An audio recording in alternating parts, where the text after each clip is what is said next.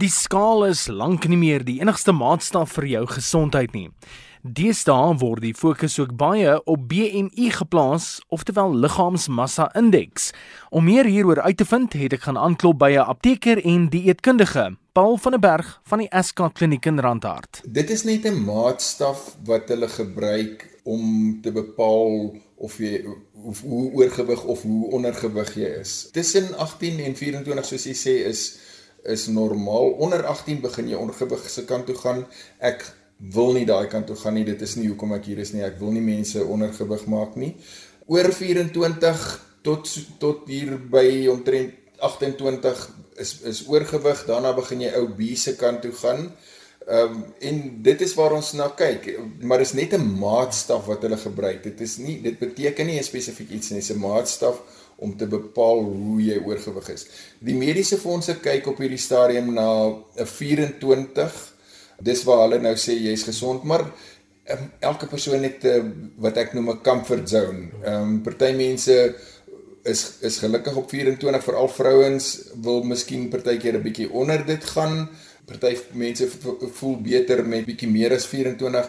Jy kan byvoorbeeld nie iemand wat 'n bodybuilder is met 'n massiewe paar arms na 24 toe vat nie, hy gaan ongelooflik kwaad wees vir jou want hy gaan heeltemal te maar wees. So jy jy moet elke persoon individueel kyk na waar hy wil wees en uh, wat vir hom die beste gaan werk. En dalk wil jy ontslaa raak van daai boepie, maar iets soos insulienweerstandigheid of 'n onderaktiewe skildklier staan dalk in jou pad. Die insulienweerstandigheid, ons moet net kyk na wat die probleem is met met die insulien. Insulien bepaal die absorpsie vermoë van glikose van die liggaam.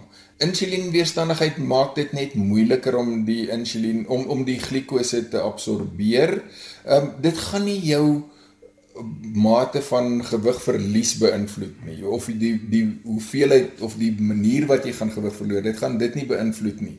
Maar wat ons wat baie mense nie besef nie is dat oorgewig baie keer lei tot diabetes. So dit is dit is een van die neeweffekte en in diabetes is die laaste siekte wat ek my vyand wil toewens.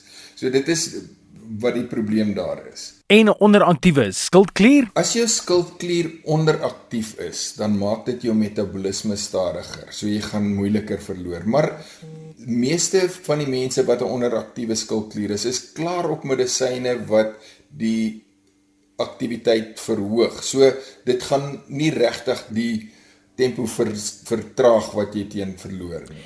En met die warmer weer nou met ons begin baie mense kyk na opsies om ontslae te raak van die wintervetjies wat opgebou het. Mense wil tog jou beste lyk op die strand.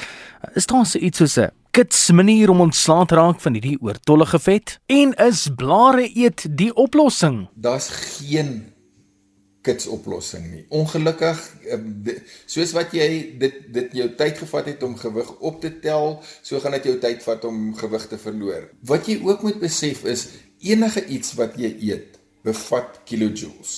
Slaai het baie minder kilojoules as wat proteïene en vet het, maar jy kan te veel eet van slaai en jy kan nog steeds gewig optel.